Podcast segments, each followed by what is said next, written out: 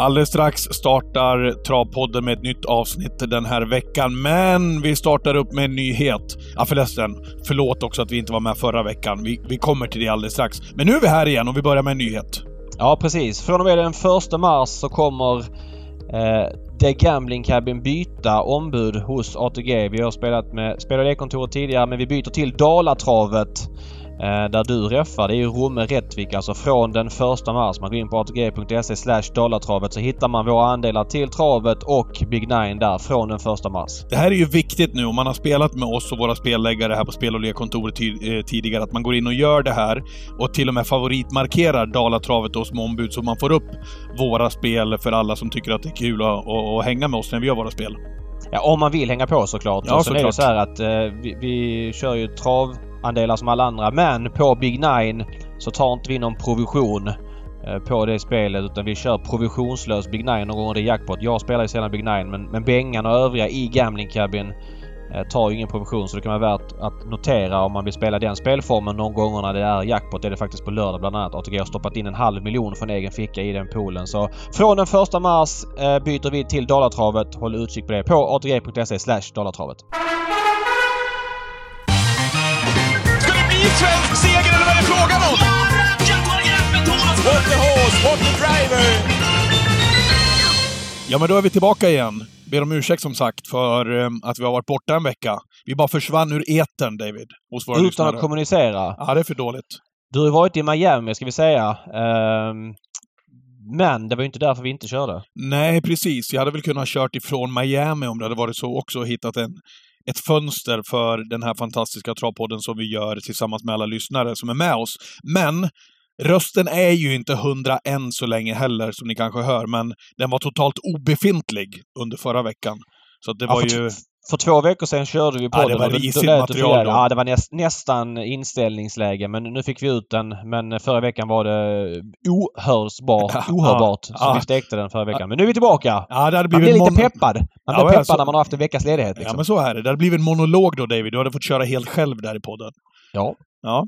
ja, men nu är vi tillbaka i alla fall. Eh, vad har vi för göttigt att bjuda på tycker du till våra Ja, men det lyssnare? finns många grejer. Eh, eh, ganska mycket eh, åsikter på sociala medier om travet här sista veckorna, sista veckan, en och en halv. Det har varit väldigt mycket favoriter överlag i vinter. Ganska eh, tråkiga lopp får man säga. Väldigt mycket favoriten eh, släpps till spets i, i många lopp och lite tävling och låga utdelningar på streckspelen och Ja, det, så här, vintern är ju mer begränsad. Färre hästar tävlar. Det blir mer skiktat och eftersom det är färre som anmäls så kommer hästar som normalt sett inte skulle komma med i ett lopp komma med i loppen och de deltar ju bara. De tävlar ju inte. Men, men, men, men riv plåstret direkt då när du ändå är inne på det där David. Vi pratade om det här innan på den också, att det blivit ja, men tunna lopp och ingen utdelning och så vidare på vissa spelformer. Ja, alltså eh, jag skrev en tweet om det efter i onsdags. Alltså V86 sen den 8 november. Eh, man har kört 14 omgångar V86 Express och av de 14 omgångarna har det blivit jackpot på 9. Alltså eh, en tredjedel av omgångarna har alltså en pool bara betalat ut. Två tredjedelar har inte betalat ut och av de nio jackpot-omgångarna har ju åtta varit sexrättsjackpot, det vill säga låg utdelning. Så en bit över 50% av omgångarna i vinter på V86 har inte betalat ut på sexorna. Ja, det är ju inget jätteexempel. Men vintern är ju, är ju, den är ju ganska lång men det är ju de här omgångarna vi pratar om från början av november i princip. Och det säger mycket om hur eh, dels onsdagarna sväljer väldigt mycket hästar när man ska tävla 10 plus 9 lopp på kvällen.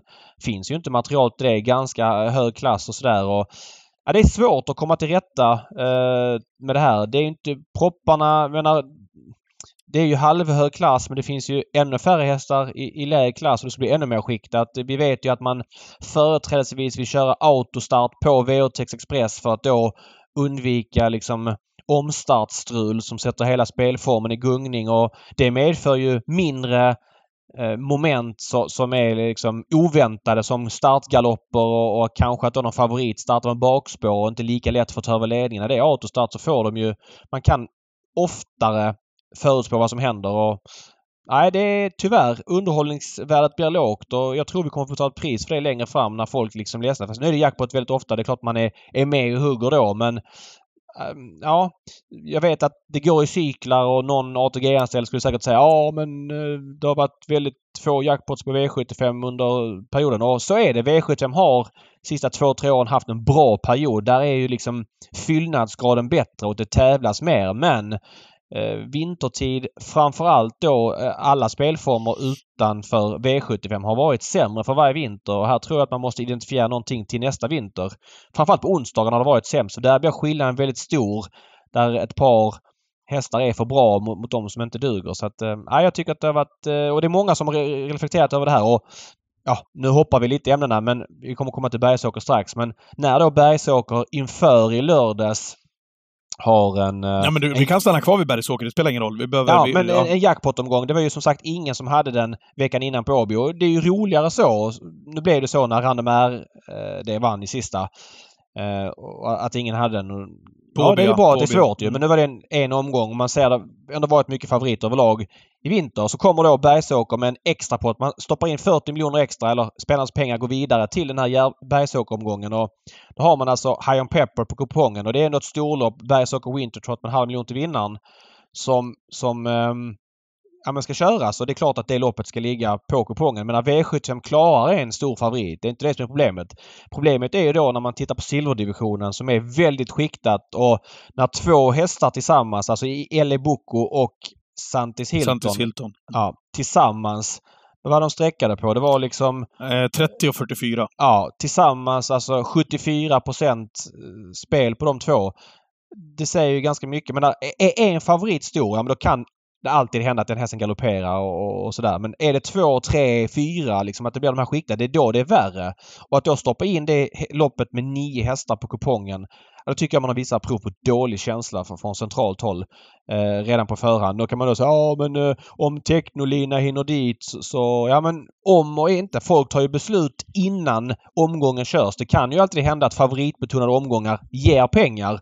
Men när man spelar och tar besluten innan och så värderar man hur stor risk är det att det blir låg utdelning. Då sänker man kanske insatsen. Sen kan man ha fel ibland. Det kan hända. Men, men gör då inte omgången Nej. mer förutsägbar än vad det behöver vara. Visst, High on Pepper kan man leva med. Stora favoriter, tål V75 men inte stor favorit och ett extremt skiktat lopp. Det, det blir ingen bra grej. Nej. Eh, och det blev ju, det landade ju in bara där på, på 4 684 kronor. Um, jag, tänkte, jag tänkte återkomma lite senare i podden till High om Pepper lite grann, men vi kan väl ändå stanna vid honom lite grann. Eh, vad, vad känner du David kring den här hästen? Ja, först vill jag säga det. Vad känner jag? eh, jag, jag, jag kan svara på din fråga. Jag känner väldigt mycket för honom som många andra. Han är en riktig profil. Han är stark som få.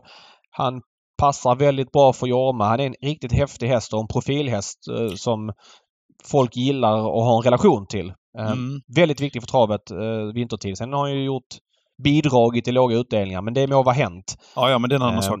Jag tänker profilmässigt, finns det någonting Ja, att men han bygga är här? jätteviktig. Det är en riktig profilhäst.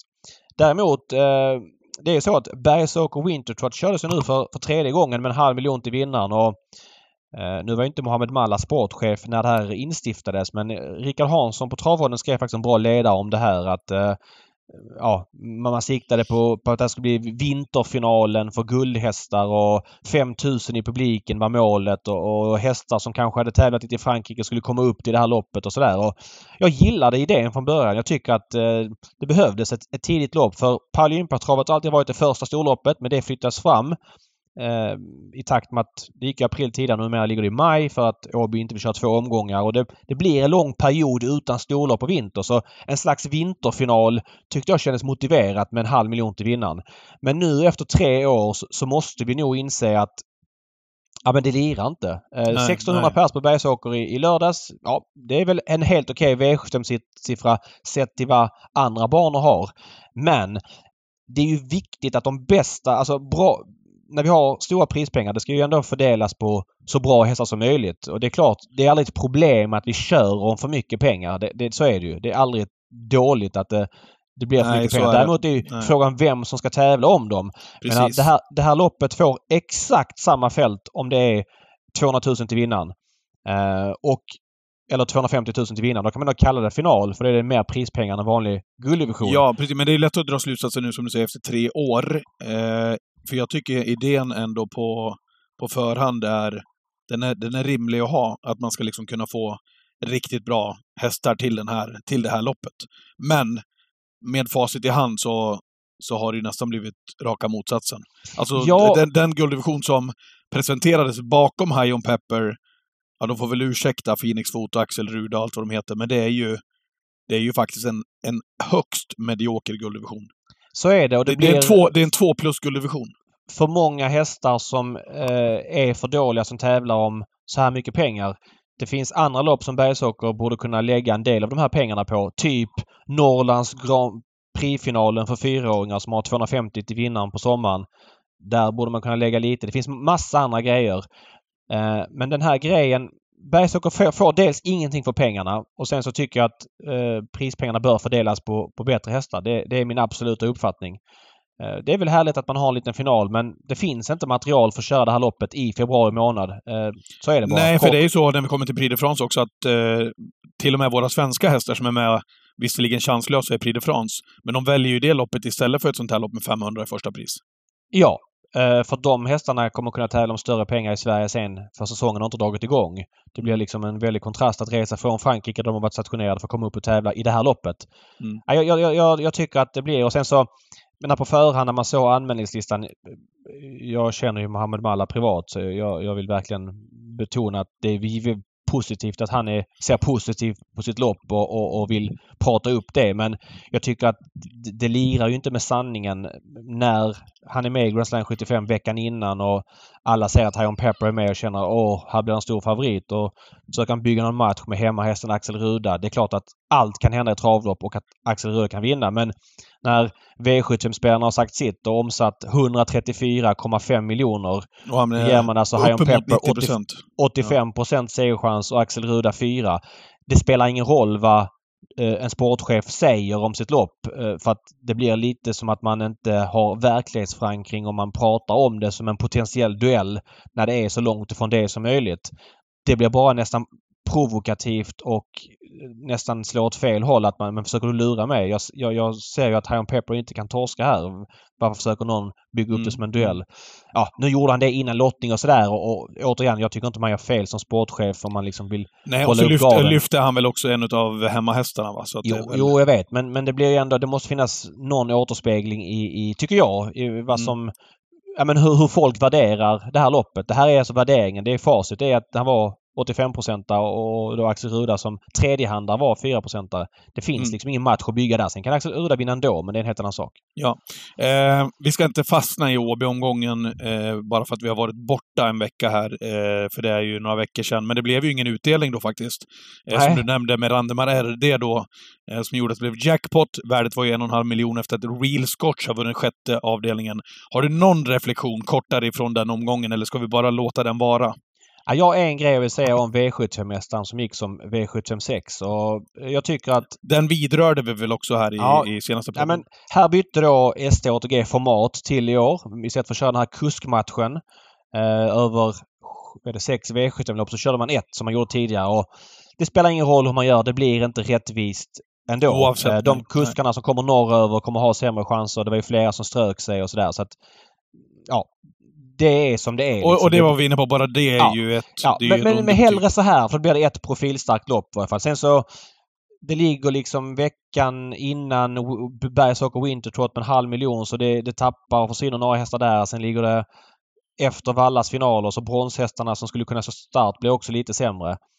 Eh, Men, men jag tycker det är lite bättre än tidigare. Det som däremot inte var optimalt här och jag vill verkligen betona att det, det har faktiskt inte blivit ett snackis här och jag tycker inte det var något fel i det aktuella loppet. Eh, Missförstå mig rätt. Jag vill bara belysa det här för framtiden. Men eh, Real Scotch vann i loppet, tränad av Jon Untersteiner ehm, och Peter Untersteiner. Det är ju Johan som står som tränare men vi vet att Peter är extremt involverad i, i verksamheten. Och Peter körde ju i samma lopp eh, tuppen åt Peter Arnqvist. Ja, just det. Eh, och vet varför det blev så här. För att Peter hade ju inte kvalat in från början men det blev några återbud. Och då var Peter eh, näste man på listan. Om han var reserv 1, 2, 3 eller 4 det vet jag inte. Men när han då kommer in då har kuskarna satts på andra hästar. Så att då har Erik Adolfsson redan valt eller är uppsatt på Real Scotch. Då blir det att, då, att Peter får köra tuppen. Eh, jag tycker inte på V75. Återigen, inget fel i det aktuella loppet. Eh, Peter tar ledning med tuppen. Vi vet att han är bättre i ryggar, att han släpper till Scotch. Inget fel i det.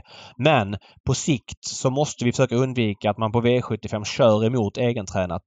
Eh, Peter skulle naturligtvis kört Real Scotch och, och då i det här fallet eh, Erik Adelsson kört tuppen för att det skulle varit bäst. Eh, så att jag, jag, tycker att här bör man se över reglerna. Jag fattar ja, han väl... kör ju på de facto rent alltså eh, faktamässigt så, så kör han ju mot Johans häst. Men det är ju som du säger, alla, verkligheten är ju en annan. Han jobbar ju i stallet. Men han är ju såklart lika eh, knuten till stallet som såklart. Johan är. Det, ja. det blir ju bara så att Johan inte kan köra mot eget tränare för han står som tränare. Men vi vet ju att Peter är. Och, ja, det är lite bökigt att komma runt det här regelmässigt men jag tycker ändå att V75s liksom varumärke med, med, med, att alla tävlar mot alla och sådär är viktigare. Då får man manuellt lösa det till, till en sån här omgång framöver. För att vi ska inte ha att tränare kör mot egentränat om man inte kör en egen tränare själv då. Såklart som det var här. Och återigen, jag säger det för tredje gången. Inget fel gjort av Peter här. Jag fattar att han släppte. Tuppen var slagen ändå. Och allt det där. Men, Men du, framöver... jag, var inne, jag var inne och tittade på loppet nu. Är det så givet att han ska släppa med tuppen som är mer betrodd än Real Scotch? Han har ledningen med 19 procent och släpper till en 10 procent. Det är väl inte helt givet ändå? Nej, det är det väl kanske inte. Även om det finns open stretch Jag och upplever att Tuppen har varit ändå en bättre häst i ryggar. Det är min känsla. Så, så är Men det visst, kanske. när du lägger upp det som att han är mer spelad och så här, Nu ska inte det avgöra kuskens val. Nej, så är det. Jag höjdes inte på ögonbrynet av att Peter gjorde någonting som kändes stallmässigt i det läget. Nej. För jag kan men förbise det, Men du slipper ju också spekulationerna om Ja men du... det är bara så onödigt att vi har på V75 framförallt liksom som är det största spelet vi har. Är det elitserien. Där ska vi ha tävlingar. Vi ska ha körningar i loppen och vi ska ha oväntade saker. Där måste vi bara undvika att eh, man kör mot egentränat om man kör en annan tränars häst. Så är det bara. Punkt slut. Mm. Yes. Eh, och V75-omgången där på Bergsåker också, den kände du att du den, ja, den var vi väl lite, lite klar med då. Den har vi väl uh, landat va? Ja, jag tycker det. Eh, Prix de France då, har ju avgjorts också. Eh, med seger för Idao de Tiard. Den, ja. bästa, den bästa hästen vi har just nu. Och de svenska, eh, de fick vi leta långt efter i resultatlistan. Så är det och själva loppets nyhetsvärde det är inte så intressant att prata om så här 10-12 dagar efter det kördes. Det är inte det som är grejen. Men det blir också väldigt eh, en debatt som alltid, eller det är inte en debatt, men det blir väldigt mycket att ja, men vi är chanslösa mot fransmännen. Den kommer liksom varje gång vi åker på rejält med stryk. Och, men var inte, var inte Jocke Löva, Jocke Lövgren också inne på det när vi pratade med honom här? Eller att, att de franska är mycket, mycket bättre än vad vi är. Men jag, jag, jag håller med om det. Jag tycker den generella franska hästen har höjt sig klart eh, sista fem, tio åren. Eh, så är det. Mm. Men det målas ju också upp som att vi i princip är sämre än någonsin.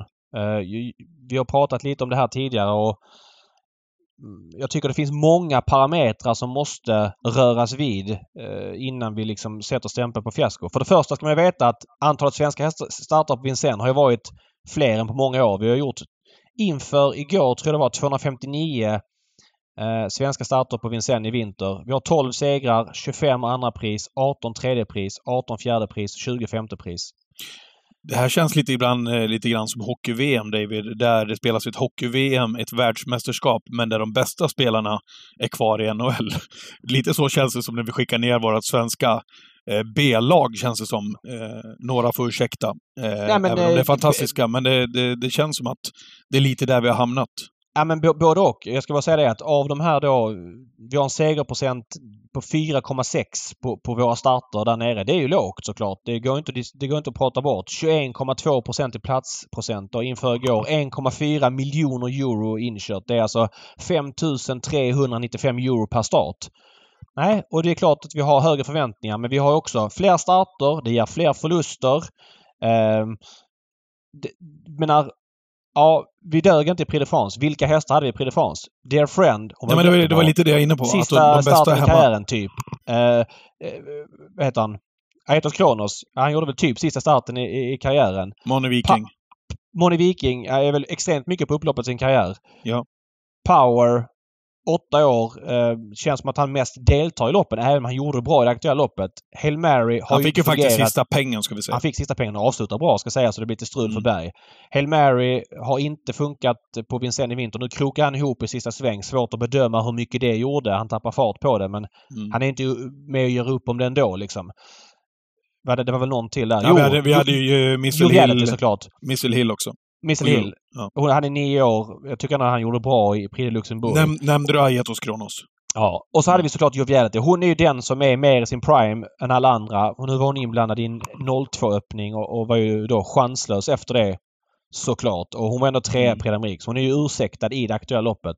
Ja. Men när, hur många hästar har vi som är bättre än de vi skickar ner? Ja, vi har ju Francesco Zet som garanterat är bättre än allihopa. Vi Motör. har Samotör som garanterat är bättre än allihopa. Barack Face är garanterat bättre än allihopa. Eh, vilka har vi mer? Alltså, nu tog jag tre stycken ur, ur hatten. Vår elit är inte jättebred men det var inte våra bästa hästar eh, vi hade på plats. Bortsett då Joviality som är där. Men ja, det var eh, hästar med upploppskaraktär i Elitloppet eller i, i eh, karriären. Sen så kan man då diskutera att Dear Friend är väldigt nära karriärens slut medan Jo, kanske men Hail Mary då flera, är... flera utav de här som vi nämnde har ju ändå Ja. det bästa bakom sig. det får vi vara det. Det skulle jag säga allihopa utom även Joviality på, på sitt sätt där, eftersom hon har tjänat så mycket pengar. Hon kommer inte tjäna det i sin karriär och sådär. Men, men hon är ändå i sin prime åldersmässigt och kommer liksom vara en faktor i, i storloppen i år. Det kan också någon av de andra rent hypotetiskt vara men jag tror ändå de har varit bättre samtliga. Så att, ja, vi vann ett B-lopp. De kör fyra B-lopp. Vi vann ett med, med San Motör. Det är väl ganska bra att vinna ett sånt lopp. Vi är som sagt trea i Prix d'Amérique. Ja, det är vi inte varje år. Nej. Ja, de är bättre och det är klart att vi, att vi då kör med jänkarvagn och jagar tider som treåringar. Det är klart att det gynnar ju inte oss att tävla mot fransmännen. Det gör det ju inte. När Nej. de har jänkarvagnsförbud och de eh, sänker farterna på tvååringar som tävlar på gräsbana medan vi kör sprinterlopp och, och i vissa fall då lite mer maxade utrustningar. Det är klart att de grejerna inte gynnar oss att tävla mot fransmännen på deras villkor i deras bana som äldre hästar. Nej. Men jag tycker ändå att vi gör det... Vår topp, de som har fungerat, har, har ändå gjort det bra. I då kanske Samotör och Joviality främst. Mm, mm. Ja, men så är det. Eh, jag tänker när vi pratar om de här topphästarna ehm, på det som komma skall. Nu tar jag upp det här i, i podden, men det är väl för att Trots att du för två veckor sedan, vad sa du då? jag pratar mot mig själv. Jag väl hela tiden i den här podden. Ja, ja. Eh, på måndag så släpps ju restaurangplatserna till eh, Elitloppet. Mm. Det, det har ju någonting, även om jag har svårt för det här med tidiga inbjudan som du vet. Det kommer väl en inbjudan nu på lördag? ja, det kommer. Den första Elitloppsinbjudan kommer eh, på Ja. lördag. Och det är ju då Vad va, kopplat... va, vad önskar du? Ja, jag ska komma till det. Det är då kopplat till restaurangsläppet som är på, på måndag. Mm, Har du bokat din plats i restaurangen förresten? ja. Ja. Ja, vad kul. Du har gjort det. Det är bra. det är bra att du är klar för den helgen. ja. Eh, nej men det är klart att eh, förra året fick ju Samotör den här inbjudan. Eh, jag upplevde då det som att många i, i travkretsar blev lite besvikna. Inte för att det var Samotör utan för att Solvalla kanske gick ut och sa okej, på, på lördag kommer första inbjudan. Då tar vi bort skynket från den här hästen. Vem ska det bli liksom? Alla visste att Samotör där och då siktade på Elitloppet, att han var helt given. Eh, jag tror att många då kände, i den närmsta travkärnan kände att okej, ha- men det visste vi redan. Det var väl ingen nyhet. Medans Exakt, folk och det är därför nu på lördag... Ja, men vänta, men, vänta, vänta. Ja, Medan ja. folk ute i landet gick igång på det där på ett annat sätt. Framförallt då, det var några bussar från Karlstad som bokades i samband med det här för att man skulle åka då till Elitloppet och Mm. de sålde resor och så vidare. Så man får ju förstå att i olika kretsar tas det emot annorlunda eh, beroende på hur travintresserad man är. Och, och därför kan vi då innan den här inbjudan kom ut spekulera i, i vilken häst som bara är jaha, ja ja, det säger Ja, men ingenting. Och vilken precis. som i sin tur kanske åh jävlar, det där var en temperaturhöjare. Ja, det är ju den jag vill ha nu på lördag. Jag är helt säker på att vi kommer få en sån. Jag tror, inte, Vilk- att man, jag tror inte att man gör samma sak som man gjorde förra året, man drar bort skynket och sen är det det sämsta trolleritricket där bakom. Nej, så kan det vara. Det var ju återigen, det var ju inget fel på att just Samotör, Nej, men... eh, det var ju men sättet han fick en inbjudan på liksom. förstå, Men mig okej, rätt, förstå mig du- rätt David. Alla du får spekulera då. redan. Vem vore dröminbjudan för Patrik Skoglund? I Daudi Tiard. Ja, det håller jag med om. Fy fan Men- vad det hade varit kul. Ja, Då, då hade till och- och med jag gått igång så här tidigt på Elitloppet. och där har ju de Wallestern ja, men öppnat dörren mer och mer. Det var väl snack, hade en intervju i helgen att det var 50-50 och man skulle ta beslut efter Prix de Atlantique i, i april Mm. månad hur man gör. Så att Mm. det är ju... Skulle han komma så är det den hetaste Men fy fan vad häftigt. he- hetaste hästen sen Borl Eagle var här. då, då kommer jag vilja prata Elitloppet i varje podd fram ja, till det var sju år sedan Borl Eagle var här. Så, så är det. Mm. Eh, men, men jag tror ändå att det inte är realistiskt. Jag tror ju att man vill avvakta de här eh, starterna. Så att Ja, men du, du, säga kan, du, du kan ju inte komma med sann motör eller... Nej men Samotör är skadad och kommer inte vara med. Men Nej, och de nej, realistiska... okej då, men vad tänker du då? Francesco Zet som alla räknat in redan? Ja men vet du att han är med då? Nej, men det är högst sannolikt tror jag. Ja men så här, Hönek skulle jag bli mest, Ja, där har du en, en sån också. Som, är, som, på. som också är- är, ett, ett drapp, dra bort draperiet och ingen överraskning. Det hör Han är ju helt eh, självklar. Eh, om man vill. Han är titelförsvarare. Alla vet att han behöver inte, han har, han har inte presterat på en scen i vinter. Han är ändå het på Elitloppet, eller till Elitloppet på så sätt att han ändå gillar om- förutsättningarna. Vi, vi vet att han kommer vara bra. Ja. Ja. Så att han, han blir ju inte så, aha, var det Hönek som bjöds in?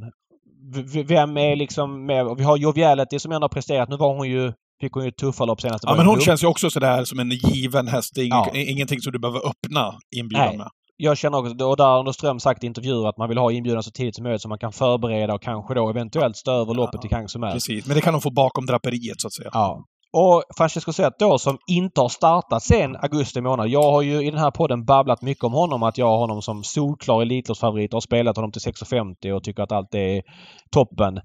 Där tycker jag att det finns lite grann Ja, man har inte hört Redén. Redén har ju sagt utåt ja, de, vi siktar på storloppen. Men han har ju inte sagt Elitloppet specifikt. Det fattar man väl lite grann. Men, men där skulle jag ändå känna, ja men vad kul att Francesco Zet är knuten till loppet om det nu är så. Men du gör inte det alltså? Nej men alltså så här, när jag sa San Motör, det är ju det är uselt att kläcka ur med en sån grej med tanke på att han, att han är skadad. Men, men vad jag menar är att man vill, det- vi vill inte ha en sån alltså given häst i första kortet. Alltså Nej. som Och- vi fick förra året i San Motör. Och då är frågan, hur ska Malmrot trolla då för att, att eh, Idao Thierry nu ska tacka ja? Det händer ju inte. Utan då ska det ju vara kanske någon annan eh, fransman som överraskar lite grann. Jag vet inte. Eh, Hooker Barry, han har inte varit lika bra i vinter som förra vintern men skulle ändå vara en attraktion. Mest troligt kör inte Jean-Michel Basir, då skulle Nicolas köra. Det vore ju en ball första inbjudan även Okej, jag är nej men på jag, att... vet, du, jag köper. Jag köper Francesco Zet också. När, när, du, när du säger det. det Ja, du gör det ja. Ja, nej, ju mer jag tänker på det. Ja. Eh, joviality känns ju tokgiven, liksom. Ja, och, och hon, exakt så. Och där har man ju uttalat sig att man vill vara med. Eller så här, ska hon få en inbjudan ska hon få den nu. Och, och då att hon blev en plump senast. Eller inte för henne, så hon var inte, inte dålig men det blev för snabbt för henne. Men det är klart, Mm. Hooker Barry vore ju rolig eller Hussard de Landré som startar på söndag i Prix de Paris. Då kanske han är mer en Harpers häst eller Eh, jag vet inte. Eller- Eller, jag eller- Go, Go on eller- Boy kanske. Han har ju ändå varit Ja. med ett år tidigare. Vinner inte så ofta men formmässigt helt given. Ja, han skulle ju vara lite bättre än Hönig skulle jag säga. Vivid Wise Us vill vi ju inte ha. Nej, det vill vi inte ha. Som, som, som etta. Som etta skulle jag säga. Nej, men Go, Go on Boy kanske. Han, han är någon temperatur hetare än vad Hönek är med tanke på att man kanske inte siktar lika mycket då. Cockstyle. Ja, vi får se. Malmö tar Det är svårt och vi, vi är väldigt kräsna så det är svårt att göra oss göra oss sådär... Ja, men vad- vad fan, ta det, för, alltså. ta det för vad det är. Ja, Vi, nej, det, det är det, ju- det, det, är väl, det, det är väl precis därför de gör den här inbjudan så här tidigt, för att få igång surret. Eh, och till och, med, till och med jag har ju gått i fällan här. Så att eh, man Ja, har väl lyckats precis. kanske. Ja, Jo, men det, vi gillar åsikter om det så att det berör. ja, ja, det ska ju beröra. Det är därför det, vi hoppas att det är 30 000 på plats där också. Sista Ja, du är på plats i varje fall. Det är Ja, men jag, jag säger ju det. Jag är, Ja. jag är väl klar. Eller Ja, har jag fått kicken från bordet? Nej, du är klar. Du är klar. Helt klart. Och vi, hade, vi hade ju show förra året. Ja, det hade vi. Så att, eh, det, det känns givet. Restaurangsläpp måndag morgon. Jag tror det är 9.00 via sovalla.se. Håll koll på det. Mm. Ja, verkligen. Eh, ja, var, vart, vart vill du gå? Ska vi slå eh, V75-favoriten Dark Roadsters kust Ja, i den kanske en, kanske, kanske en av mina favoriter på V75. Eller favorithästar faktiskt, får man väl ändå säga. Du har ju Eh, två grejer du alltid sträckar. Det ena är gul pilot och det andra är Dark Roadster. Ja, lite så. Vi, vi, vi Ja. testar och ringer dem, får vi se. Ja, gör det. Välkommen till Travpodden, Ida. Tack så mycket. Hur är läget? Det är bara bra. Härligt. Vad gör du eh, en dag som denna? Eh, idag har vi bara joggat lite hästar och så, så det har varit väldigt lugnt. Ja. Innan du kom in här Patrik i samtalet så hade jag ett litet korsför med Ida. Hon berättade lite grann om eh, verksamheten. Hon ska få dra den. Jag blev lite förvånad faktiskt. Man har ändå koll på Ida som en V75-profil och kört mycket på V75 och sådär. Men jag hade inte riktigt koll på bakgrunden och att hon har fyra hästar på sin träningslista och att de har 15 till på familjegården. Kan du berätta lite om det Ida? Ja, jag, håller, eller jag och mamma håller på tillsammans och så har vi väl 19 hästar som vi tränar tillsammans. Wow! Oj! Ja, det hade inte jag koll på. Nej, det var jag dåligt påläst också på. Eh, berätta, hur ser verksamheten ut? Nej, det är, vi kör tillsammans och ja. Det, Men- Men, men 15 hästar på hennes lista, fyra på Ja. din. Du har gått proffstränarkursen. Vad är liksom tanken? Ja, planen har jag väl sagt att när jag får in mer än fem hästar på min lista så kan jag tänka mig plocka ut min licens och då är, känner mamma att hon är lite villig och ja, gå åt sidan. Okej. Thea, vad, vad heter mamma? Jag försöker få upp det här på... Ulrika. Rister. Svarade jag. Ja, Ja. ja. Men hennes profil, hon har väldigt mycket tvååringar. Vad är liksom grejen med det? det har ju blivit så eftersom vi har lite uppfödning och sånt också och det har blivit att de har blivit kvar på inkörning och sen så har vi fått chansen att fortsätta träna dem. Så det är väl därför att det är så mycket. Okej, så att det är inte säkert att alla blir kvar hos er men, men än så länge så... För att de är väl fortfarande i inkörningsperiod om de är två år? Ja, exakt. Så det förhoppningsvis är, blir några kvar och ja, man hoppas ju det. Du är ju väldigt känd eh, för många V75-spelare. Framförallt då som Mm. kusk bakom Dark Roadster. Men det är ändå inte alla som har koll på din bakgrund. Berätta lite grann. Hur hamnade du i travet? Eh, jag, på den här, eller vi håller ju till på Oddsätteri och eh, jag är ju fjärde generationen på gården. Eh, och eh, så jag är uppvuxen här och eh, har alltid hållit på med hästar sedan jag var liten. Eh, och eh, ja, spelat lite innebandy, fotboll och sånt också. Eh, men det är väl hästarna som jag fastnar liksom mest för. Okej. Eh, jag, jag kollar till här också. Eh, gården där som du beskriver där Ida. Eh, Ådö säteri va? Mm. Är det därför eh, hästarna, eh, förstår jag nu, först nu, är, är döpta med eh, bokstaven Å på slutet? Ja, ah, okej. Exakt. Okej, så alla uppfödningar som ni, ni, Ja, ni har själva? våra. Exakt. Ja. Okej, Eh, fattar. Men, men de tidigare generationerna, har, all- har det varit trav hela tiden eller har säteriet hållit på med någon annan hästnäring? Eh, för vår del har det varit trav. Eller ja. Så det är ju min mamma och så min morfar och så min morfars far var det som höll på med ja, hästar. Men har Men du jag, varit... in, jag tror inte min morfars, han far där, tränar hästarna själv. Det har jag ingen koll på. Jag vet inte. Nej okej, men, men, Men det var i alla fall han som köpte gården. 68. okej, så pass länge alltså? Ja. Men Eh, för dig, eh, när blev det givet att få trav? Du säger att du spelar innebandy. Vad gick du för gymnasium och sådär? När liksom blev det 100% trav då? Eh, jag tror det nästan har varit det hela tiden. Men eh, jag har ju ändå provat på andra saker. Eh, som till exempel att jag gick ekonomi i skolan för att jag kände att hästar får jag ändå. Eh, alltså eftersom vi jag bodde här och så kunde jag ändå vara med dem då. Så jag kände att jag inte behövde gå något travgymnasium. Eh, så då valde jag att gå ekonomi eftersom man inte vet hur framtiden blir. Um, så man ändå har en utbildning. Men det är väl jättebra. Jag menar ekonomi är ju en stor del av att vara travtränare. Ja, det är det. Vad känner du nu Eh. med lite distans till det? Att det har eh, varit bra eller? Ja, alltså när man gick, nu när vi gick proffstränarkursen så var det ju lite ekonomi och man känner igen vissa delar från att man gick i skolan. Så det var ju ändå skönt att man har lite koll. Eh, eh, så det är jag ju glad för att jag gick en sån utbildning. Det tänker man inte på så ofta eh, utifrån hur mycket administration det är att vara travtränare. Nej, det gör man inte. Är det avskräckande? Nu har du gått ekonomiutbildning uppenbarligen då i gymnasiet men har det varit liksom, är det nu när du har fått känna på det på Vången och, och kanske då tar ut egen licens snart. Jag gissar att det blir en ännu större tröskel sen men du har väl redan fått känna på den där administrativa biten. Hur, hur, förvånad är du att det är så mycket? Eh, absolut att det är mycket så, men sen samtidigt så vet man ju att man kan ju få väldigt mycket hjälp. Så man behöver inte alltid tänka, man behöver inte tänka på allting själv. Och det är Nej. väl. Eh, jag tror man inte kan både vara alltså 100% travträ, alltså man kan inte ha liksom alla, göra allt. Det tror Nej. jag inte.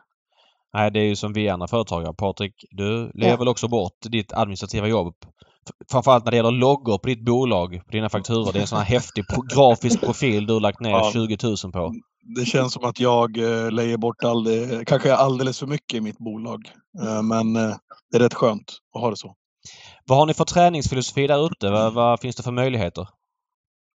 Eh, vi har en eh, rakbana eh, som är 700 meter med en backe som är ungefär 100 meter till. Och sen har vi en rundbana på 800 meter och sen har vi en skogsslinga som är en kilometer. Som, ja, det blir ju två kilometer som man kör fram och tillbaks.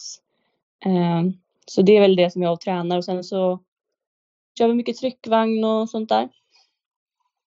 Eh, har gården det du vill ha eller vad, hur tänker man på sikt? Eh, om det nu kortsiktigt, om det är någonting jag vill ha så är det att man ska kunna, som vi bor vid vattnet, eh, kunna bygga en brygga så man kan simma med hästarna. Det är väl det som Ja, jag tycker det, det ska, jag verkligen skulle vilja ska, ha. ska väl inte vara ett jättemission väl? Eller? Nej, verkligen inte. Men man ska göra det också. Nej, jag förstår det. Hur är det där med vattenträning? Jag vet ju Victor Till i vattentränade så visst var det så med Järvsö faktiskt också? Eh, Ja, men ja precis. Uppe, Jan-Olof Persson har väl någon pool där uppe var där han alltid ner och, och tränar sina hästar tror jag va? Ja. Dark Roaster. Jaha, Ja, det är så? Ja. Men re- regelbundet eller bara vid konvalescens? Nej, alltså när det är eh, liksom väder för det. Eller när det blir varmt. Då simmar hon mycket hästarna. Det är så alltså? Mm. För jag vet ju Victor Ja. Tilly där efter Elitloppet 2003 när han eh, fick en gaffelbandsskada i finalen. Då var jag borta länge och då var det mycket simträning och jag kommer ihåg det var mycket på tapeten den tiden men jag vill ju... Alltså, jag har ingen koll på vad folk gör så men rent medialt så tycker jag inte simträning har det har pratats lika mycket om det. Jag vet inte vad ni säger om det? Jag tror, jag tror på det. Att Det sliter liksom inte. Alltså hästarna får jobba men det sliter liksom inte. Det måste vara otroligt skonsamt. Mm. Är det liksom, det kanske mer det praktiska som inte är lika smidigt som att kasta på en vagn kanske och ut och köra. Men jag vet inte om det, om det, om det är därför. Men det, från en lekman så känns det ju otroligt sunt i alla fall om man har den möjligheten. Ja, jag tror väldigt mycket på det. Men hur funkar det rent praktiskt? Vill hästarna alltid gå ner i vattnet eller spontant känns det som att de borde vara Mm. tveksamma? Nej, alla vill nog inte gå ner. Nej. Det är som Men, dig eh, Niva, när du är i Portugal säger de. När du, när du glider i och står med händerna ovanför vattenytan där. När, när, när, när, när vattnet når midjan ungefär. När du står där. Så är det väl Mm. med hästarna också kanske? Ja, men jag badar alltid ska jag säga. Ja, till slut. Okej, men vad gör man med en häst som inte vill bada då? Alltså det låter ju bökigt. Ja. ja, man får väl försöka få i den på ett eller annat sätt. Vad kul med Men simträning. vissa, vissa hästar kommer man inte i med. Alltså, det tror jag. Alltså, vissa vill ju inte. Men sen kan man till exempel om det är någon som går i så kan man gå med den före. Så de är ju ändå flockdjur och då brukar de ändå hänga på liksom. Ja, det kan man ju Mm. göra. Ja, det är en bra idé ju. Jag Eh, frågade Emma Sara där, Emma Sara som tränar Dark Roadster Mm. eh, och även Red Hot Roadster. Mm. Ehm, på galan vi hade här i, i Dalarna på Romme, om hon hade något specifikt liksom, recept för vad som gjorde hennes hästar Mm. så framgångsrika. Men hon Mm. nämnde faktiskt ingenting om simträning och kanske inte, kanske inte vill avslöja det kanske. Ja, det vet jag inte. Nu, nu, har vi, nu har vi berättat i alla fall att Dark Roads är simtränare. Simtränar sig till framgångarna. Ja. Det är bra. Ja, verkligen. Eh, din, vad ser du på framtiden då? Egen licens? Är det träna? För du är kanske mest känd som kusk ändå med tanke på att du har kört så pass mycket på V75. Va, va, vad ser du dig själv som? Jag ser väl mig mer som en tränare än, än en kusk. Om jag ska. Jag tycker ju om att hålla på med individerna, alltså göra helheten med dem. Inte bara sätta mig bakom och köra ett lopp. Eh, Mm. och sen är det ju absolut jätteroligt att köra lopp och sånt. Men jag tycker ändå att få ändå hålla på med hästarna, alltså från liksom, alltså köra dem, göra ordning dem, fixa dem och ta hand om dem. Det tycker jag är det roligaste liksom. Och Okej. sen självklart se utvecklingen i en häst och den, att man kan åka och starta dem och sånt där. Det För, för, förut, ja, förutom simträningen som du var inne på här och det du Mm. beskriver nu, har du någon speciell träningsfilosofi så som du skulle vilja jobba över tid med hästarna? Alltså jag tror det är viktigt att man individanpassar. Alltså man ser till individen vad den behöver och Mm. att man varierar träning och att, ja, att det är viktigt att de får återhämtning och eh, för att man ska få en eh, sån fräsch och hållbar häst. Har du tagit input av några speciella tränare på det viset eh, liksom, och bildat din egen uppfattning? Liksom, eller hur har du kommit fram till det? Nej, alltså man kan ju se ut från sig själv när man Mm. eh, åker och tränar. Att det kanske inte, alltså man kanske inte bara kan köra styrka eller man kanske inte bara kan springa, alltså man vill ju variera när man är på gymmet själv. Vill jag säga. Så att det är väl mycket också. Och sen sliter väl mycket också om man bara kör samma sak. Också. Mm. Det vet man ju Ja. själv när man, eh, nu när jag Vasaloppstränar. Det går ju inte att göra Mm. samma stakning varje dag. Det gör ont överallt. Nej. Utan man får byta helt klart. Ja. Så är det. Eh, är hur, ja, förlåt. nej, det var Hur kommer det sig att du fick köra Dark Roaster eh, från start? Det är ju inte helt givet. Jag menar, du, eh, Emma Sara Sjöberg har ju tränat hela tiden och så var det Sibylle Tinter först, sen var det Oskar J och sen så var det du någon gång och så var det Westholm igen. Men sen så har det blivit du mer frekvent och nu är det ju bara du som kör. Vad är, hur har den dialogen sett ut? Mm, jag började ju köra lite lärlingslopp. Dels så började, lärde jag känna dem när jag jobbade hos Jörgen eh, Westholm och eh, för Bosse körde, ja Emma Saras pappa körde bu- hästbussen ibland. Mm. Eh, och så fick jag chansen att lärlingslopp och sen och det gick ju väldigt bra och sen så var väl kanske någon gång när Oskar inte kunde eller ja någon så fick jag köra ett vanligt lopp och så gick det också bra. Så på den vägen så har de fortsatt ge mig chansen. Eh, så det är jättetacksamt. Det känns ju som att ni har ett otroligt facit tillsammans om man tittar tillbaka. Även den tiden du beskriver här när du, när du körde honom redan 2020 och ända fram till Mm. det vi är idag. Det känns som att det har, det har stämt otroligt bra tillsammans mellan dig och Dark Roaster. Ja, det har det. Det måste ju stämma också. Sen så, jag vet inte. Vi passar, passar, passar tillsammans. Ja. Hur viktigt är det när man är ung inom travet Eh, att få den här reklamhästen? Även om inte du tränar, att du får synas på V75 och så vidare? Det är jättestort. Alltså, han har ju betytt jättemycket för mig. Det är ju ja, nästan den enda hästen jag kör. Eh, och, eh, och att man får chansen bakom en sån här fin häst det är ju man jättetacksam för. Och det är som du säger att det blir ju liksom att man syns också. Eh, och det är ju väldigt viktigt. Mm. Eh, du som har följt Dark Roads nu eh, i några år. När kände du, även om han har haft bra år hela tiden, så har det ändå gått stadigt uppåt utvecklingskurvan på honom. När kände du att, att det här är en häst för, ja men faktiskt, eh, Sverige-eliten? Alltså det har alltid varit en fin häst och han har haft väldigt lätt för sig. Och eh, med sin startsnabbhet så man kommer ju så mycket alltså, alltså längre om man är startsnabb. Alltså man får ju så mycket med sig eh, om man är med där framme alltid eh, från start. Och det är väl det, men att han har utvecklats så här mycket. Alltså såklart man inte kanske trodde det, men det har ändå varit inte konstigt att han har liksom bara klättrat genom liksom klass. Alltså han har ju liksom gått igenom varje klass och liksom Mm. gjort det bra. Jag tycker han visar en liten annan sida av sig själv, även om han har varit otroligt snabb och kvick Mm. och eh, speedig när han har fått gå med i ryggar och även gått i ledningen över kortdistans framförallt. Att han visar en liten annan sida som vart ett litet wow för mig i alla fall. Det var när man när man vann V75 på Eskilstuna här i, var det november va? Mm. Eh, här 2023. När han också gjorde det Ja men faktiskt eh, utvändigt en del utan Mm. rygg och slog Phoenix fot och ett gäng till. Vad, vad, vad tänker du om det resonemanget? Absolut, men jag, alltså jag kan väl säga att vi har ju ändå vunnit på VM innan och så. Och jag tycker ändå han har varit liksom bra. Eh, men det är som du säger, jag tror många ser han som en, en 600 meters häst och ska gå i ryggar eller gå i ledningen eller sådär. Att han inte Mm. gör, kan göra jobbet själv. Men jag tycker att han visar mer och mer för varje start att han faktiskt kan göra jobbet själv. Som han gjorde till exempel på Mantorp gjorde Ja exakt samma där också. Ja, eh, så att eh, Men hur, hur tänker du som kusk gällande det? För att kör man bara i ledningen hela tiden då är ju känslan att många hästar blir mentalt trötta på det och, och sådär. Mm. Att, att variera, att ibland sitta fast, ibland köra bakifrån och så ledningen då när det blir tillfälle för det. Hur, hur resonerar du runt det? Absolut. Sen, alltså, sen så ser man ju också vad det är för alltså, motstånd och sånt där.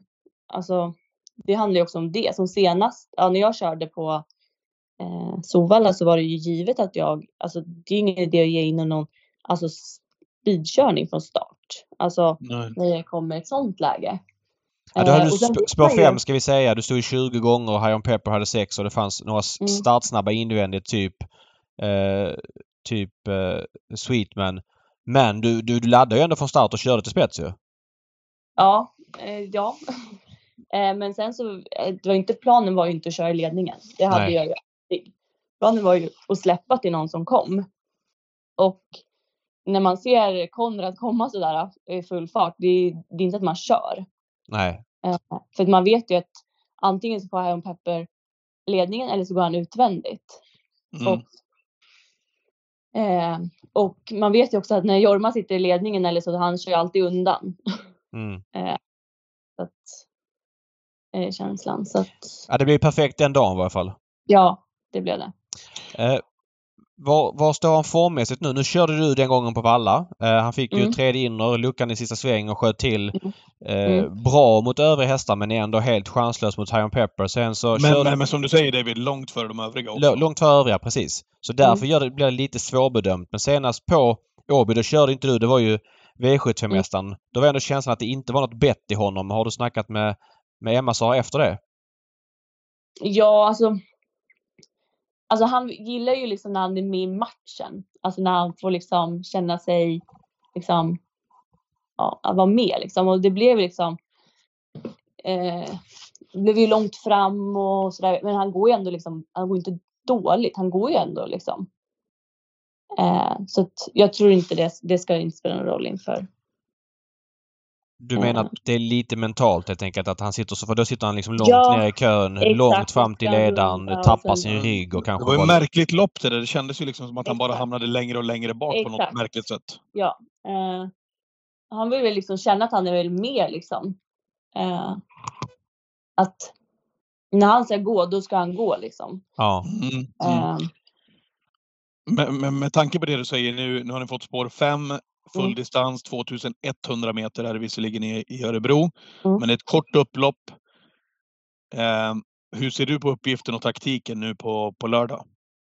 mm, ja, jag lär ju köra lite från start i alla fall. Men Bara lite? Vet jag, sen vet jag att jag tror att jag inte kommer förbi Chapuis. Ja, du tror inte Eh, det? Nej, alltså när det är så här 2-1, det kostar mer än vad det ger och göra en sån öppning tror jag. Mm. Då, har du ändå Supernice också däremellan som också är snabb ut. Ja, Han är ju väldigt snabb. Alltså första november där på Valla, då flyger han till ledningen för Björn och den har Mm. varit snabb hela karriären. Så att det är Mm. inte bara Chapuis du ska ta förbi. Eh, Och Nej. utifrån är Diamanten som är en bilföljare liksom. Eh, ja. Eh, nej men han är ju snabb också men om man vill köra så kan man ju köra. Men som Ja, jag ja, säger ja. att det kanske inte är värt att lägga den speeden i starten när det är över, alltså 2-1.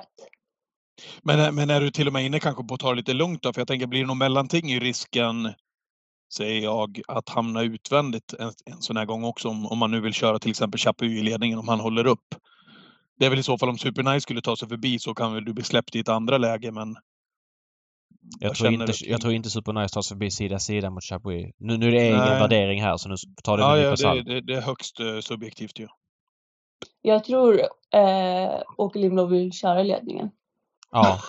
Alltså Ja. han, han kommer nog köra dit till vilket pris som helst. Det såg jag ju bara på eh, Eskilstuna. Mm. Var ser du dig själv sitta varvet kvar då? Oj. Eh, ja, alltså andra par utvändigt hade inte varit så tokigt i så fall. Nej, för precis. För laddar du från start och inte kommer ner, då är ju dödens risken stor. Men samtidigt, det är många Ja. som kommer ladda här. Jag tror, jag tror inte alla kommer ner på innerspår, vilket gör att droppar du ner och, liksom halvladdar så borde du kunna få någon rygg tycker jag. Jag, jag gissar att både 7, 3, 2 ska framåt, kanske 4 också. Då, då är väl känslan att du borde komma ner vettigt. Mm. Ja, ja, man, alltså när man väl sitter då, då man får då man bestämmer sig. Ja men så är det ju. Det är, det är ju bara kul att spekulera och vi som Absolut. spelar på loppet eh, ska ju ta beslutet långt innan så man försöker bara få Ja. någon, någon hum om det. Vad tror ni att han sitter varvet kvar? Ja men det är faktiskt en bra fråga. Jag, eh, det- det beror på lite grann vad du gör såklart men... Mm. Eh, ja. Det beror på också lite grann vad, vad, vad Björn gör med diamanten, om han plockar Mm. eller om han kör. Eh, sen är det precis som du säger David, det är fler som kommer vilja ha innerspåret så som sitter Mm. där. Så att det, mitt önskescenario, David vet ju det, jag går ju nästan alltid på Dark Roadster.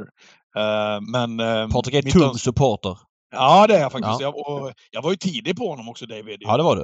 Det var du. Då hade du med Eh. han där på Eskilstuna. Jag spikade honom på Eskilstuna.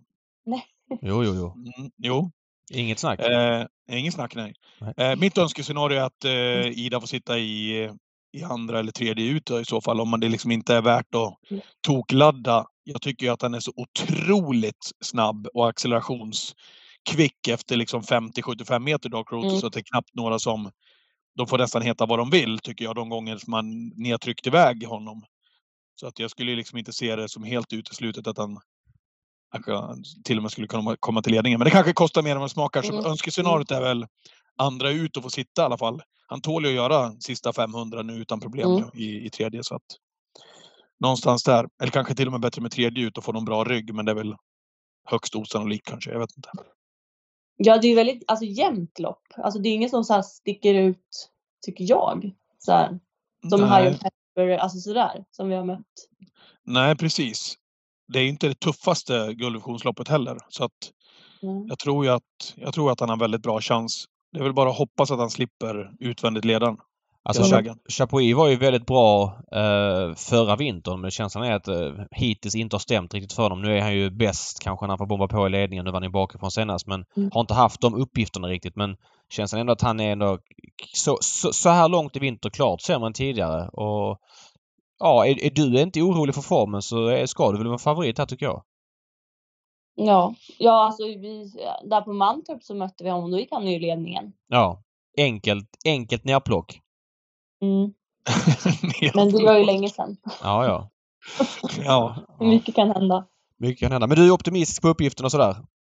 Absolut. Det, det är man alltid när man åker ut med den där hästen. Ja, Ja, jag fattar det. Det måste vara en härlig känsla. Vilken är Ja. nästa häst som Ida Rister kör på V75 som inte är Dark Roaster? Oj. Nej, då får jag väl säga att det är väl min egna häst, Hotshot Å. Hotshot Å. Det är en, det är en dröm. Hur gammal är den? Hon är fem. Hon har haft... Ja. Eh, hon är väldigt sen. Hon har... Hon vill aldrig sluta växa. Ja, Okej. Nej. Ridley Express-mär. Man har haft lite för höga förhoppningar tror jag. Fattar. 11 starter, 001, 64 insprunget. Men du, du menar att det har tagit lite tid för att hon har växt helt enkelt? Ja, jag hoppas att det är det i alla fall. Ja. Men man vet Mm. ju aldrig. Skriv, skriv ner i boken David, hotshot. Ja, jag kommer komma ihåg det. Hotshot. Koka kaffe, vispa grädde, hotshot, hotshot, hotshot. Det kommer jag inte glömma bort. Så det, det är Nej. Jobbas in från kongressen. ja, lite så. Ja. Ja. Ja men vad bra Ida, då har vi lite koll på, på läget. Du droppar ner i banan, hittar tredje ut, går på 700 kvar, markerar spår bara, sen kör du in på rakan.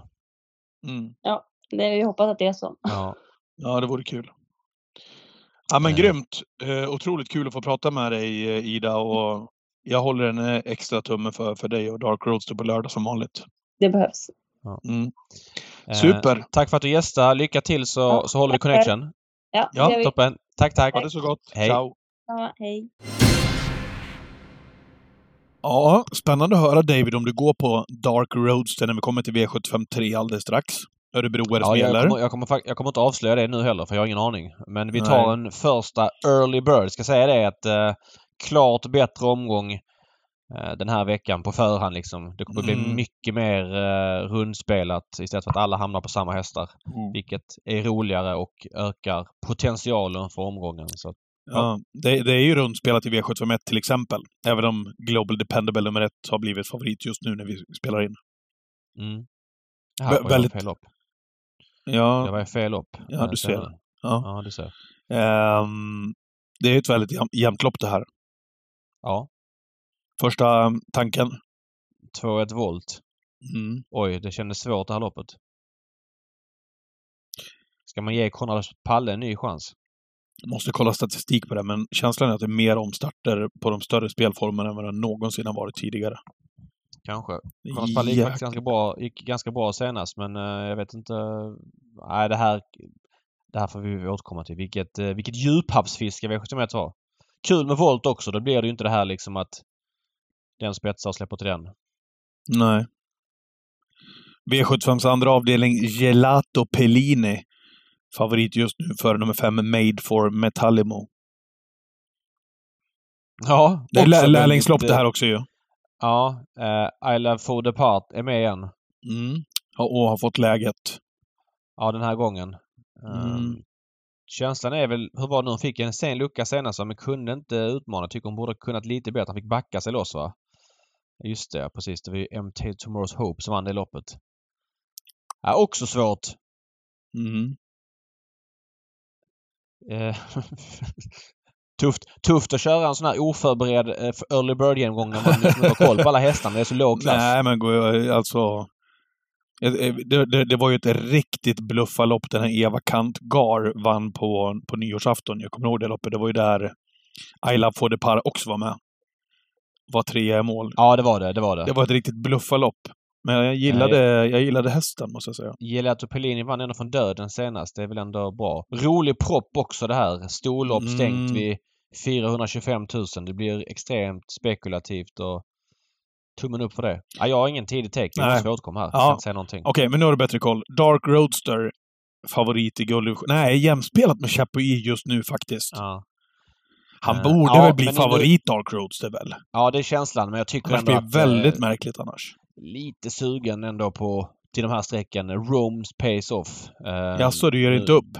Blev han synad i ledningen senast av Ja, men Eddie han vinner Barrow, ju aldrig, David. Alltså, Nej, jag, jag säger inte att han inte vinner på lördag, men han... han Han är, han är bättre i spets också, det ska sägas. Men 6% är väl ändå väldigt lågt. Eh, samma sak, Bear Time känns ju... Nu tyckte jag det var en blek prestation av Bear Time senast, men ja. Har inte läst någon anledning till det. Det är jänkarvagn då igen. får man 28 prolla på Dark, Darken så Då spikar Patrik. kanske. Han är ju bäst av de här. Ja, Det är vi överens om. Vad händer om han får dödens då? Nej, det är det, det, är det som man blir lite Det är orolig som för. Ida sa, plockar ju ner eh, Chapuis från, från dödens damm. Då var det väl kort distans va, på Sundbyholm. Eh, där den 18 november. Det är full väg. Känns ju lite svårare att plocka ner från dödens då va? Mm. Kan hända också massa grejer då med, med Diamanten som är så sjukt snabb. Ja. Diamanten, han var, det var väl SM senast han var ute i som Power vann. Svårt att veta form men eh, jag har för mig att han gick rätt bra den gången va? Ja, han, han, han är fyra. Eh, stort, stort slagen av, av Power och Det är ju inte den Time. där riktiga gnistan längre, David, heller av Nej, förståeliga nej. skäl. 11 bast. Nej, så är det kanske. Nej, svårt guld. Roligt lopp. Fan. Sträckkrävande inledning. Mm, kanske. Fjärde avdelningen, favorit 3 Jopp. Mm. Jag satte faktiskt den eh, VS8 egen lapp, en Joker, när han vann senast. Han eh, hade ju både den som var tvåa och trea gav ju klart mer. Mm. Där, där den som var, var trea var ju den här Egon Bendil. hade vunnit 700 lax om den hade fått hinna fram eller lite mer än så. Nej, Han är, han är rätt bra för klassen här Jopp. Gillade den eh, tidigt här. Han vann på, på Romme här i början på året också. Och sen Var en har, väldigt rejäl insats senast. Först i tredje liksom, men bara kliver runt dem. mm, Ja, jag... jag eh, kollar till 20 hästarna här. Ja, lite småskiktat lopp känns ju ändå som. Är det det? Jag tycker det känns ganska... Det är några riktigt bleka alltså, som har svårt att se ska vinna på E7 kanske. Okej. Ja, Det det är känns, första. känns... Maserati Hall var väl bra senast. Ja, precis. Eh, Men det är var de ju- två som sticker ut lite grann. Ja. Det var det loppet, fyraårsloppet på Valla Margareta-serien.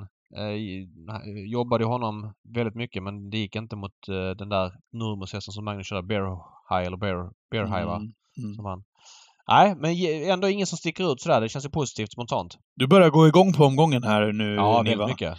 Ehm. V75 5 vet jag att jag kommer ha, det kan jag säga nu, att jag kommer ha Baron Tilly som första häst. Mhm. Han Berätta. galopperade i det där Maserati uh, hålloppet. Galopperade från start senast. Jag snackade med Jeppsson inför loppet. Han sa att han inte li litar på hästen. Det är ingen man bara skickar iväg. Men det finns ju väldigt mycket på honom. Man hör både på David Persson och Jeppsson att det är en bra häst för klassen och man eh, skyndar lite halvlångsamt med honom. Ja. Känslan är ändå att det är lite lämpliga motstånd om det var på Valla senast i, i det loppet. Blackhawk Face kommer med tre raka, men han är ju inte att lita på.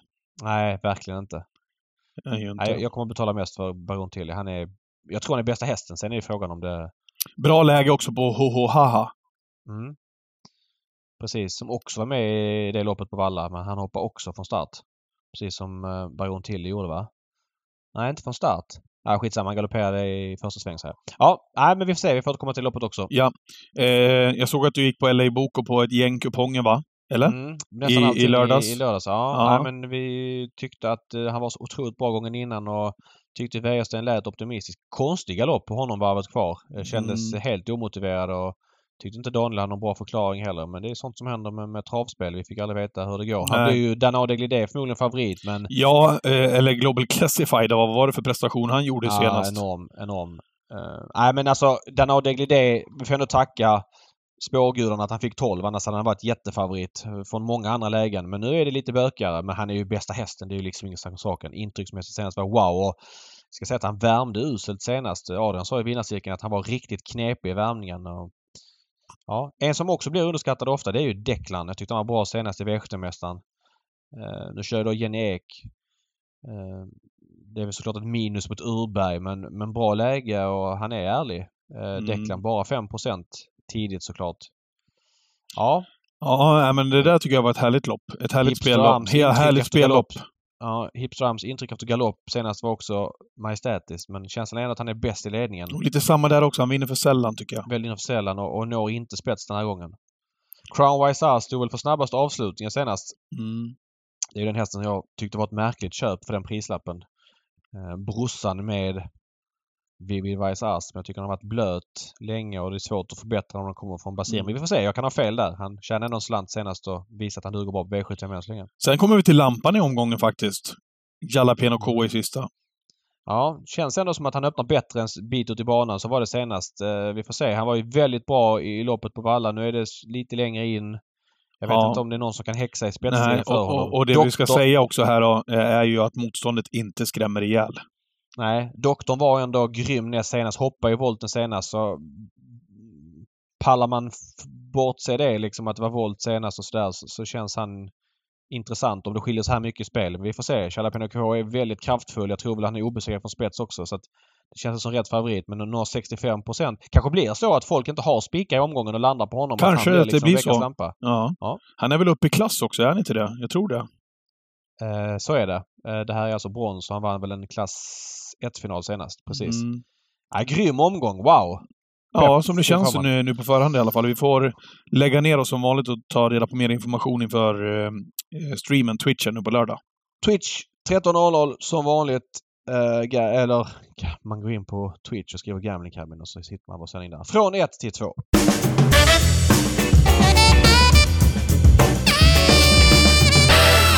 Det där var vignetten för veckans hiss och diss. Eh, och eh, jag frågade vad, vad du ville köra för någonting. Om du skulle dissa och du ville, du ville överraska. Du ville inte berätta vad du skulle säga för någonting. Precis, jag vill ta dig spontant på den här som ändå upplevt det här mycket. Och, ja, Wow. Spännande att höra vad du tycker. Mhm. ja. ja, men inom travet så har vi ju en förkärlek till att spela nationalsången väldigt ofta. Um, Värst är väl, jag tror det var Breeders Crown-finalerna här på Eskilstuna i Oh november. my och God. De kör, eh, de kör som nationalsången i början av tävlingsdagen, sen en Ja, efter nej, varje nej, final. Nej, nej, nej, nej. Eh, och de kör den alltså, nu var det ju en, det var väl en holländsk seger där så det blev ju bara fyra gånger den lördagen. Eh, jag såg Bergsåker köra nationalsången inför tävlingarna i lördags. Man tycker väl att det är en stor dag man vill bygga sådär men för mig blir det bara tröttsamt. Nationalsången, Elitloppet, eh, absolut. Efter segern i derbyt, efter segern i kriteriet.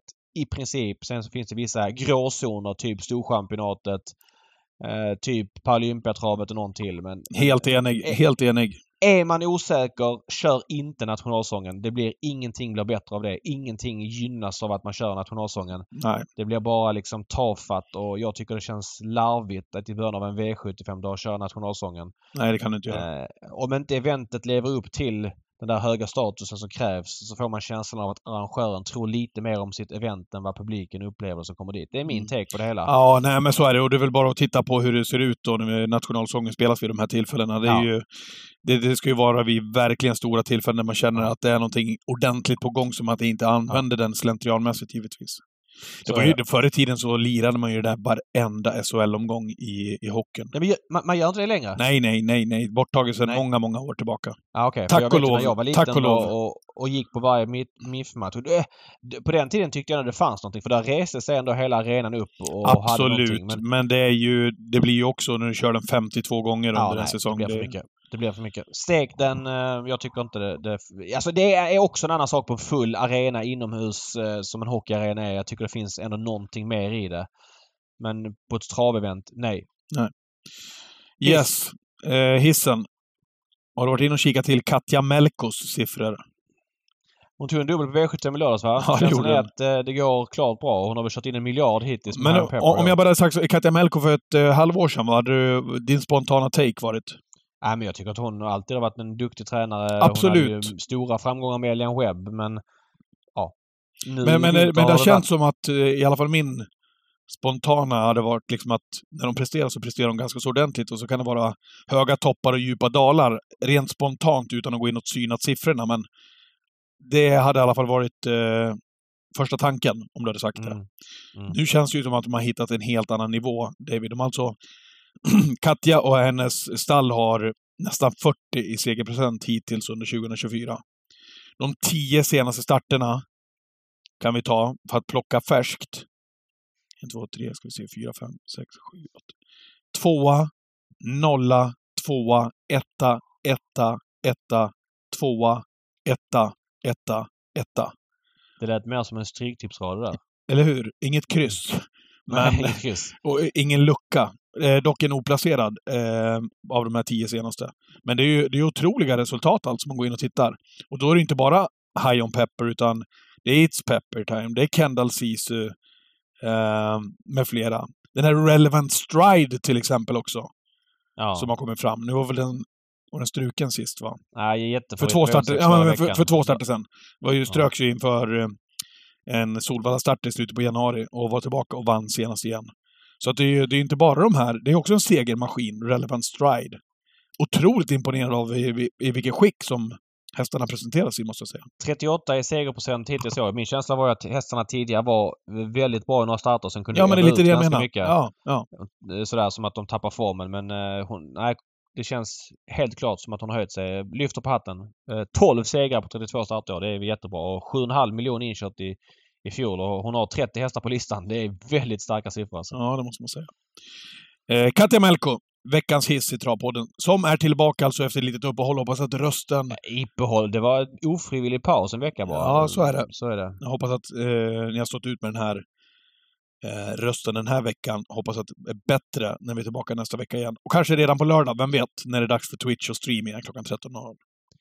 Från den 1 mars byter vi alltså ombud. Då kommer vi spela V75 och andra ATG-produkter på ATG.se. Ja, ja, Sök så- på Dollartravet ja, men om så du vill är spela det. med oss. Så är det. Ja. Eh, jag ska slå ett annat slag för, eh, för en helt annan sak nästa vecka också. Jag bara gör en puff för det. Oh, Eh, ja, jag gör det. Eh, jag, jag puffar för Marcus Melander och några till som jag ska ta upp här nästa vecka i podden. Vad kan det vara mm. för någonting? Vi får väl se, ni som hänger ja. med. Bra! Nu ska jag hämta barn på dagis. Vi ja, hörs. Hej! Hej, hej!